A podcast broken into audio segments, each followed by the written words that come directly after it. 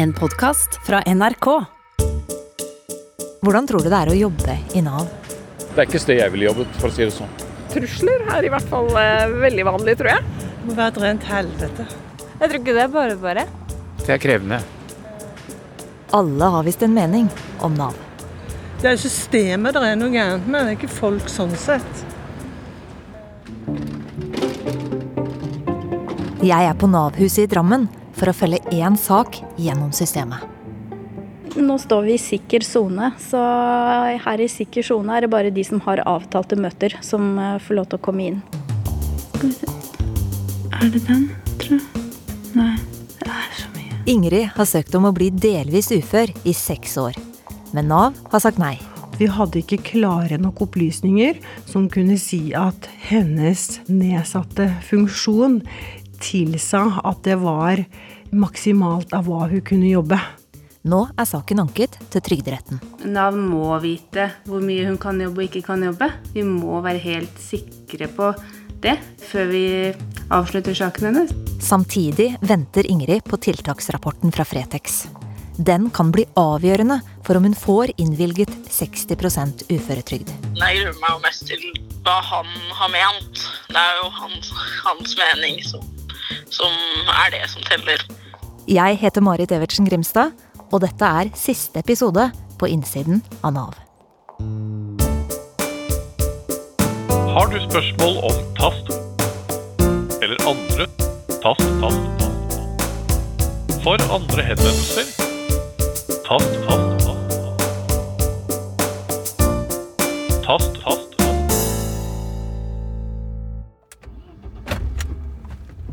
Jeg har spurt Nav om å få møte de som har tatt avgjørelser i Ingrids sak. Det sendte meg til Hamar og saksbehandlerne i Nav arbeid og ytelser som avslo uføresøknaden i 2019. Kjør mot sør. Deretter ta til høyre. Nå har jeg endelig fått svar fra klageinstansen, som avslo anken i 2020. Kjør mot nordøst. Det var klageinstans vest i Bergen som behandlet anken, Om 100 meter, ta til høyre. men nå har Nav bedt meg komme til Tønsberg.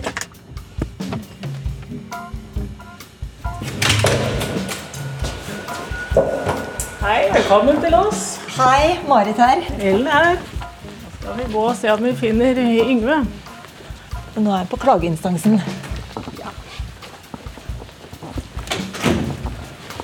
Her skal vi se. Velkommen. Hallo, hei. Marit her. Yngve. Så nå er jeg på klageinstans Øst. Ok, dette er klageinstans øst. Yngve er jurist. Hvorfor har jeg havna i Tønsberg? Du har nok havnet i Tønsberg fordi vi både har eh, arbeidsavklaringspenger og uføretrygd hos oss. Og han kjenner Ingrids sak. Jeg var medunderskriver, det vi kaller den som kontrollerer vedtaket, til saksbehandler, for vi er alltid to saksbehandlere som er involvert i behandlingen av en sak, på den saken i 2016. Etter det første avslaget om ufør i 2016 har Ingrids sak vært i flere klageinstanser flere steder i landet. Hvor i landet du bor har ingen betydning for hvilken klageinstansavdeling som behandler saken din. Den kan havne i Tønsberg når det gjelder uføretrygd, eller den kan havne i Trondheim, den kan havne i Bergen, eller den kan havne i Tromsø. Så at den saken kom til Tønsberg i 2016 f.eks., det er tilfeldig. Her ser du jo vedtaket fra klageinstansen i den saken. Da hadde, da hadde Nav eh, arbeid og ytelser eh, avslått søknaden i desember 2019, og så opprettholdt klageinstansen vedtaket i august 2020. Ja. Nå er vi langt inne i saksbehandlinga. Vi er i 2020, på det siste avslaget i den siste instansen som har behandlet Ingrids sak. Det er ikke ofte de som tar avgjørelsene snakker om hvilke vurderinger som ligger til grunn, men nå skal Yngve prøve å forklare meg hvorfor klageinstansen sa nei til å uføretrygde Ingrid. Det var helt klinkende klart at dette var en dame med en alvorlig sykdomstilstand. Det var behandlingsmessig ikke noe mer å gjøre utover det vedlikeholdende, men det var fortsatt noe uklart i juridisk forstand nøyaktig hvor nedsatt arbeidsevnen var var det 40% var det 50% var det 60 Og da høres det kanskje noe ut som vi er veldig opptatt av disse prosentene, men vi er opptatt av å komme til et endelig riktig resultat. Riktig uføregrad skal settes. På dette tidspunktet hadde Ingrid begynt å jobbe. Sonans hadde gjennomført nok et tiltak for å avklare arbeidsevnen. Denne gangen mens hun var i et vikariat som svømmelærer i Lier. Som vikar hadde hun jobbet mellom 40 og 50% og det beskrives i rapporten. Og så var det også slik at hun var i vikariat en del. Eh, det er litt vanskeligere å, vurdere arbeidsevnen helt konkret sammenligna med vikariater. Og det er litt, litt, vanskeligere når man er i flere arbeidsforhold, for hun hadde jo også en, en aktiv eh, svømmejobb på siden. Så derfor var det fortsatt litt tidlig å være sikker på at arbeidsevnen var akkurat så så mye nedsatt. En aktiv svømmejobb på siden. Det er altså deltidsjobben som svømmeinstruktør på kveldstid som påvirker avgjørelsen. På papiret har Ingrid et arbeidsforhold til to forskjellige svømmeklubber. Og på papiret ser det ut som om hun kan jobbe 40-50% som lærer og 33% som svømmeinstruktør på kveldstid. Men det har Ingrid aldri gjort. Begge jobbavtalene var fleksible. Hun jobbet så mye som hun orket gjennom studiene, og da hun fikk lærerjobben, ble det mye mindre. Men for klageinstansen skapte dette tvil om hennes reelle arbeidsevne. På det tidspunktet så hadde man helt klart medisinske opplysninger som tilsa at eh, dette er en person med alvorlige helseplager. Hun har store fysiske funksjonsbegrensninger. Men hun viste også at hun var i stand til med tilrettelegginger å studere og, og være deltid i arbeid. Yngve forklarer meg at det er ekstra viktig å bruke tid på å avklare saker der søkerne er unge. Siden Ingrid har et langt arbeidsliv foran seg, er de mer opptatt av å gjøre en nøyaktig vurdering enn å avklare saken raskt. Istedenfor å, å tenke at uh, dette er en lang prosess for å få uføretrygd, så ønsker jo Nav å unngå at unge, ressurssterke personer med mange muligheter, og som samfunnet har nytte av, skal ende med en uføretrygd for tidlig. Så vi snur på det og ønsker å se på hva kan du gjøre til tross for de alvorlige lidelsene og funksjonsbegrensningene du har. Da klageinstans Vest i 2020 opprettholdt vedtak fra Nav arbeids og ytelser, var det en klokkeklar avgjørelse? Nei. Og de vedtakene som går ut på de vurderingene i en sak av denne kompleksiteten, er aldri klokkeklare. Det er liksom veldig viktig at alle får med seg. Det er skjønn involvert i om det er åpenbart uhensiktsmessig å forsøke flere tiltak. Og jeg mener at denne ligger i grenseland for, uh, for, for, hva som er åpenbart og ikke, og at det kunne vært juridisk forsvarlig å ende ut på begge sider av den. Så uh, her har man vurdert, ja, på den ene side, du har en ung, meget ressurssterk person, utdanning, ønsker å være i jobb, har jobbet hardt for å komme eh, og opprettholde en arbeidsevne Samtidig så har du klare funksjonsbegrensninger, en alvorlig sykdomstilstand. Så den ligger på vippen.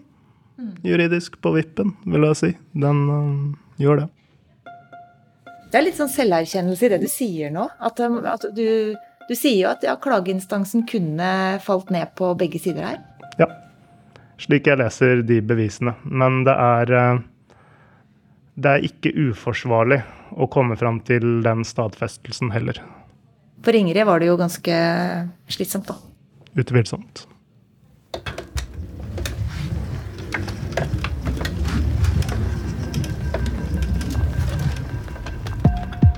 Etter at klageinstansen opprettholdt vedtaket og avslo søknaden til Ingrid, måtte veileder Hege bestille nok et tiltak. Det var da Fretex fikk oppdraget. Bestillingen fra Hege var nok en gang å observere Ingrid på jobb. Og rapporten måtte være helt presis. Nav må vite hvor mye Ingrid kan jobbe. For Ingrid handler dette om økonomisk trygghet. 40 lærerjobb er ikke nok til å leve av, og arbeidsavklaringspenger er ingen varig løsning. Hallo. Hallo. Nå er jeg spent, altså. Nå har hun vært i møte med Fretex og fått konklusjonen. Ja.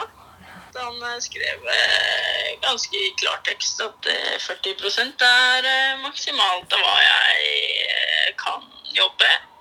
At så snakket vi litt rundt at han heller anbefaler at jeg burde jobbe litt mindre i forhold til at han ser at jeg er utslitt fordi jeg jobber 40 da. Wow. Så det er jo veldig bra. Oi. Så veldig Ja, veldig glad for det, egentlig. Ja. Så Jeg får lese rapporten. Her står Ingrids helseutfordringer tydelig beskrevet. Kreft på hoftekammen, amputert fot, avstivet rygg, epilepsi og fatigue. Alt dette gjør at Ingrid beveger seg i grenseland av hva hun faktisk makter å jobbe. Men rapporten beskriver også Ingrids styrker. Det står at Ingrid er et fantastisk forbilde og rollemodell for en hel generasjon skolebarn i Lier. En som viser at man kan uansett. Konklusjonen er helt klar. 40% er maksimalt av hva Ingrid kan jobbe. Hva betyr dette her for deg, Ingrid? det betyr at nå er vi ferdig med enda et tiltak, da. Check. Eh, Eller så eh, betyr det at dette ja, når, når jeg får endelige papirene i posten, så sender vi det til, til Trygderetten. Eh, og så er det egentlig bare å vente. 9 til 14 måneder. Så nå er det å vente og så håpe? Vente, håpe. Prøve å ikke bruke mer energi enn man må på det.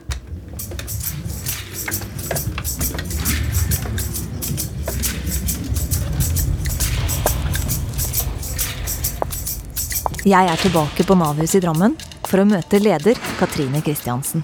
Hallo. Det var hun som sa ja til å la meg følge én sak fra innsiden. At det ble Ingrids sak, var helt tilfeldig. Nå står vi i den store mottakshallen. Her ligger samtalerommene på rekke og rad. Da var et møte over.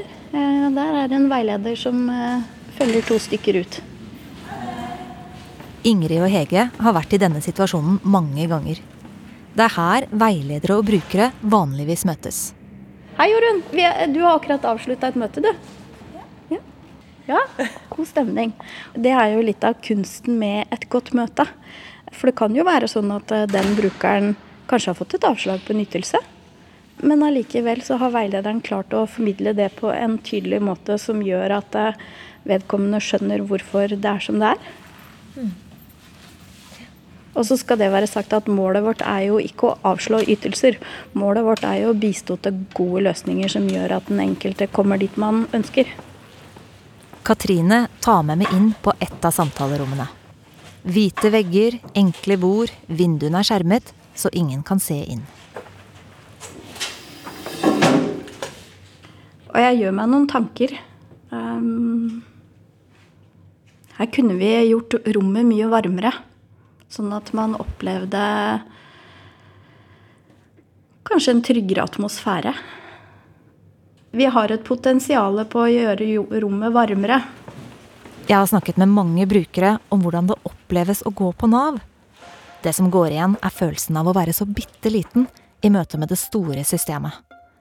Selv Ingrid, som har et godt forhold til veilederen sin, forteller at hun gruer seg og føler seg maktesløs når hun ruller inn på et av disse samtalerommene. Man er ofte i en sårbar situasjon og er helt avhengig av den som sitter på den andre siden av bordet. Ja, og det, det gjør noe med meg når jeg hører du sier det, og um, det er lett å sette seg inn i. Og nettopp derfor igjen så er det så viktig at vi eh, møter brukerne våre med denne ydmykheten på at det kunne vært meg som skulle på et offentlig kontor i dag. Altså Man kan jo bare tenke seg, hvis du det neste døgnet ikke har et sted å bo, at du står her med to poser eh, i hendene rett og slett, og ikke eier noen ting. Det må være en enorm fortvilelse. Og, da, at, og da er det så viktig at vi er i stand til å møte de der de er. Det å også anerkjenne og, og, se fortvilelsen, men samtidig eh, da være tydelig på hva vi kan bidra med. Det er krevende å være Nav-bruker. Men det er krevende å være Nav-ansatt også. Veilederne må være forberedt på alle typer reaksjoner. Historien har vist at det også kan bli farlig. I forrige uke ble en person pågrepet etter at han brukte pepperspray mot Nav-ansatte i Harstad. I Trondheim fikk de glassvegger etter at en ansatt ble truffet i hodet av en sten. Frustrasjonen hadde tårnet seg opp hos en klient. Torsdag døde en kollega etter å ha blitt knivstukket ved Nav Bjerke i Oslo. To kvinner ble knivstukket ved et Nav-kontor. Den ene kvinnen døde av skadene, mens den andre kvinnen ble lettere skadd. Drapet på et lokalkontor i Bergen utløste nok en gang debatt om sikkerheten for Nav-ansatte. Hvor mye kan man beskytte seg? Eh, til, eh, nå, nå, er vi inne i sånn halvsikker sone. Eh, det vil si at eh, brukere som kommer inn hit, de har da avtalte møter. Men nå går vi inn i en sikker sone, og det vil si at jeg må, jeg må bruke adgangskortet mitt for å komme inn. Inn her kommer ingen brukere. I Drammen er det ulike rom med ulike sikkerhetstiltak. Og her går vi inn i et, um, et møterom som er uh, som er uh, rigga i forhold til Altså den ivaretar uh, sikkerhet i ekstra grad enn det de ordinære samtalerommene gjør. Og dette rommet velger vi hvis vi har brukere som av ulike årsaker tidligere har utagert. Og så er det viktig å si at eh, vi har forståelse for at eh, folk i møte med oss kan bli fortvila av ulike årsaker. Men så har vi da erfaring med at noen har utagert ved å f.eks. lene seg over og gå til angrep på veileder. Eller hoppe over bordet. Men sånn som det rommet her er utstyrt, så er det ikke mulig å hoppe over. Så hvis det skulle oppstå en sånn situasjon hvor veilederen føler seg trua, så går det alarm rett ut til vekteren som sitter ute i fellesområdet. og Da kommer vekteren umiddelbart hit. Eh, samtidig så går det også en alarm i, eh, i området her, sånn at flere veiledere kan eh, trå til. Jeg får se hvordan rommet er innretta. Hvor alarmen er, og hvor veilederen kan flykte hvis noe går galt. Men Katrine vil ikke avsløre detaljer i tilfelle noen skulle få noen ideer. Nav-ansatte her i landet blir hvert år utsatt for over 2200 tilfeller av vold eller trusler om vold. For Hege og de andre veilederne er dette en del av hverdagen. Det er de som kalles førstelinja i Nav.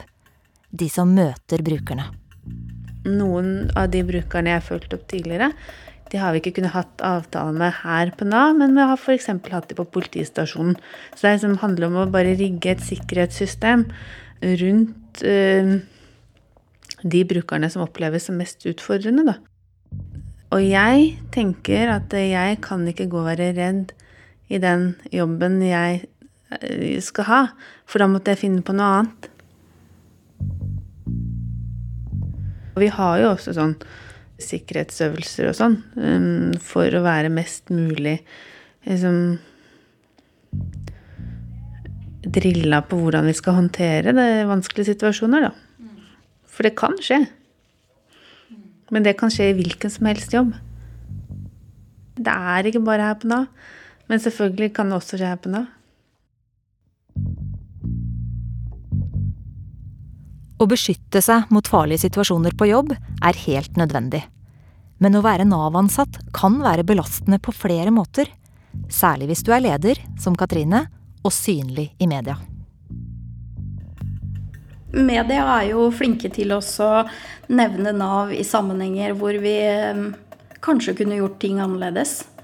Da har jeg vel opplevd at eh, nettrollene slår seg løs jeg er kjent med at jeg har vært eh, tema i en lukka gruppe eh, med ganske sterke hatytringer.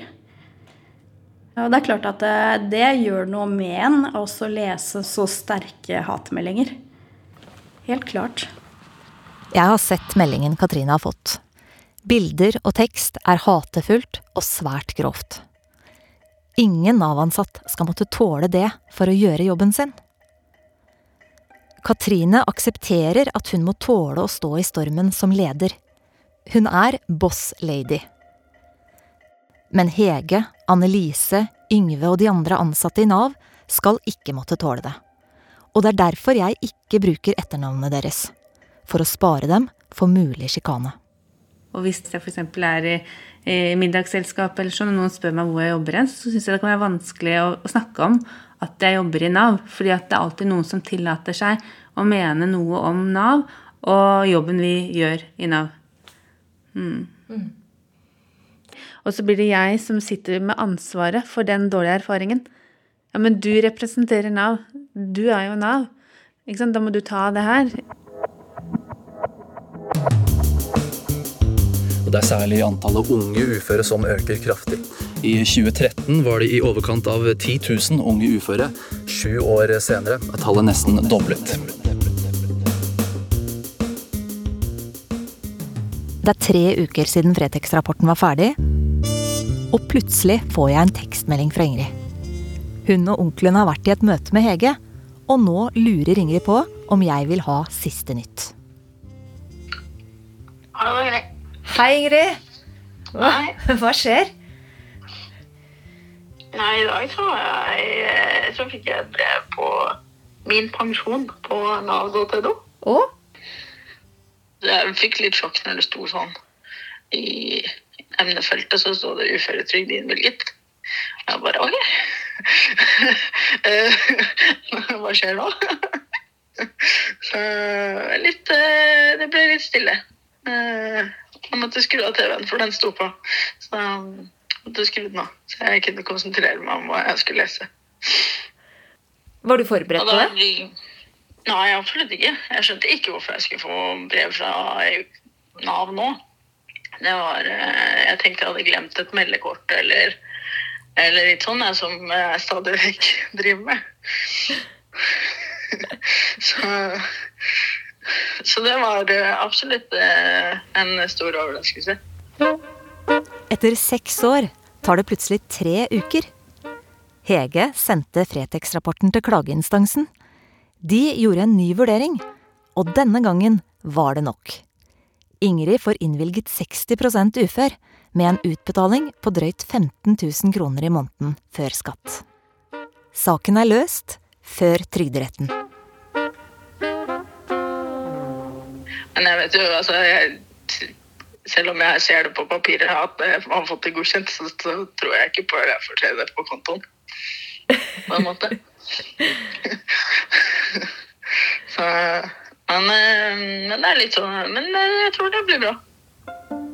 Jeg har lurt på om denne saken plutselig løste seg fordi NRK var på saken. Det avviser Nav. De sier at ingen av saksbehandlerne visste at vi fulgte saken. De sier også at denne saken viser at systemet fungerer akkurat sånn som det skal. Yngve fra klageinstansen forklarer meg hvorfor de snudde. Det kritiske punktet her ble til syvende og sist en ny rapport fra Fretex. Det var en veldig tydelig rapport, men det er også der en helhetsvurdering. Når man ser den rapporten i sammenheng med de to tidligere rapportene fra Sonans og helseopplysningene, og så kan man diskutere om det var skjønnsmessig innenfor rammene å komme til det resultatet også på et litt tidligere tidspunkt. Der er det ikke to streker under svaret. Verken juss eller medisin er eksakte vitenskaper. Og det koker liksom ned til sånne som deg, saksbehandlere langt inne i systemet, som er langt unna brukeren. Ja, det gjør jo til syvende og sist det. Og vi er veldig bevisst på at vi har et stort ansvar, selv om personen som vi bare ser på papiret, sitter langt unna og er ukjente for oss i, i praktisk forstand. Nav fatter fire millioner vedtak i året. Nå gikk ett av dem Ingrids vei. Etter seks år kan Hege endelig sjekke Ingrid ut av bunken sin. Nå er jeg ferdig, og det er gøy. ja. Mm. Og for Ingrid så var dette her helt ø, optimalt i forhold til hva hun så for seg. Da. Og det gjør meg godt. Og det gjør at jeg syns den jobben her er veldig ålreit. Men jeg er også veldig glad på hennes vegne at hun slipper å ha kontakt med meg. At hun er selvstendig. Så det er fint. Men min arbeidshverdag her, den fortsetter jo. Stadig nye utfordringer, og det kommer jo stadig nye som jeg skal følge opp eller avklare. Mange nye Ingrid. Ja. Vi har verdens beste velferdssystem, der alle skal få hjelp. Og Ingrid har fått hjelp. Jeg har vært på innsiden av Nav, og ved å følge denne ene saken har jeg sett hvor stort og omfattende dette systemet er. Nav forvalter en tredel av statsbudsjettet, og jeg skjønner at de må være strenge. Det er dine og mine penger som skal sikre velferd for alle. De ansatte skal være både portåpnere og dørvoktere, og de er bundet av lover og regler de ikke kan gjøre noe med. Er også rom for skjønn. Og når alt kommer til alt, så er det enkeltpersoner i systemet som vipper en avgjørelse den ene eller den andre veien. Da må det være lov å lure på om Nav har brukt i overkant mye ressurser på å finne ut om Ingrid klarer å jobbe mer enn de 40 prosentene hun i seks år har gjentatt at hun gjerne vil jobbe. A. A. A. For arbeid. Ja, nå har du fasiten, da. Nå har jeg fasiten. Og du har fasiten. Ja, det er veldig bra. Ha det. Ha det. Ha det bra. På innsiden av Nav er laget av meg, Marit Evertsen Grimstad, lyddesigner Merete Antonsen og prosjektleder Ida Skeie. Konsulent er Kjetil Saugestad, og research var ved Beate Riser og Johannes Loftsgaard. Musikken er laget av Socius Music. Redaksjonssjef er Randi Helland.